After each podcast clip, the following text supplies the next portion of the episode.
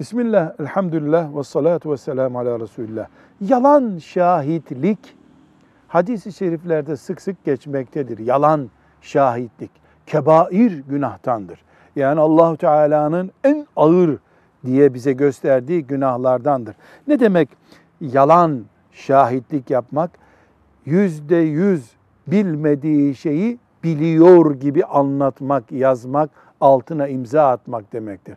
Böyle zannediyorum demiyor da böyledir diyor ama bunu yüzde yüz bilmiyor.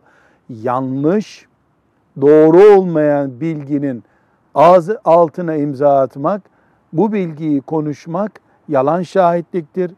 Yalan katarak da yani mesela yüzde yüz olayın tamamını değil de bir bölümünü yalan katarak söylemek yalan şahitliktir.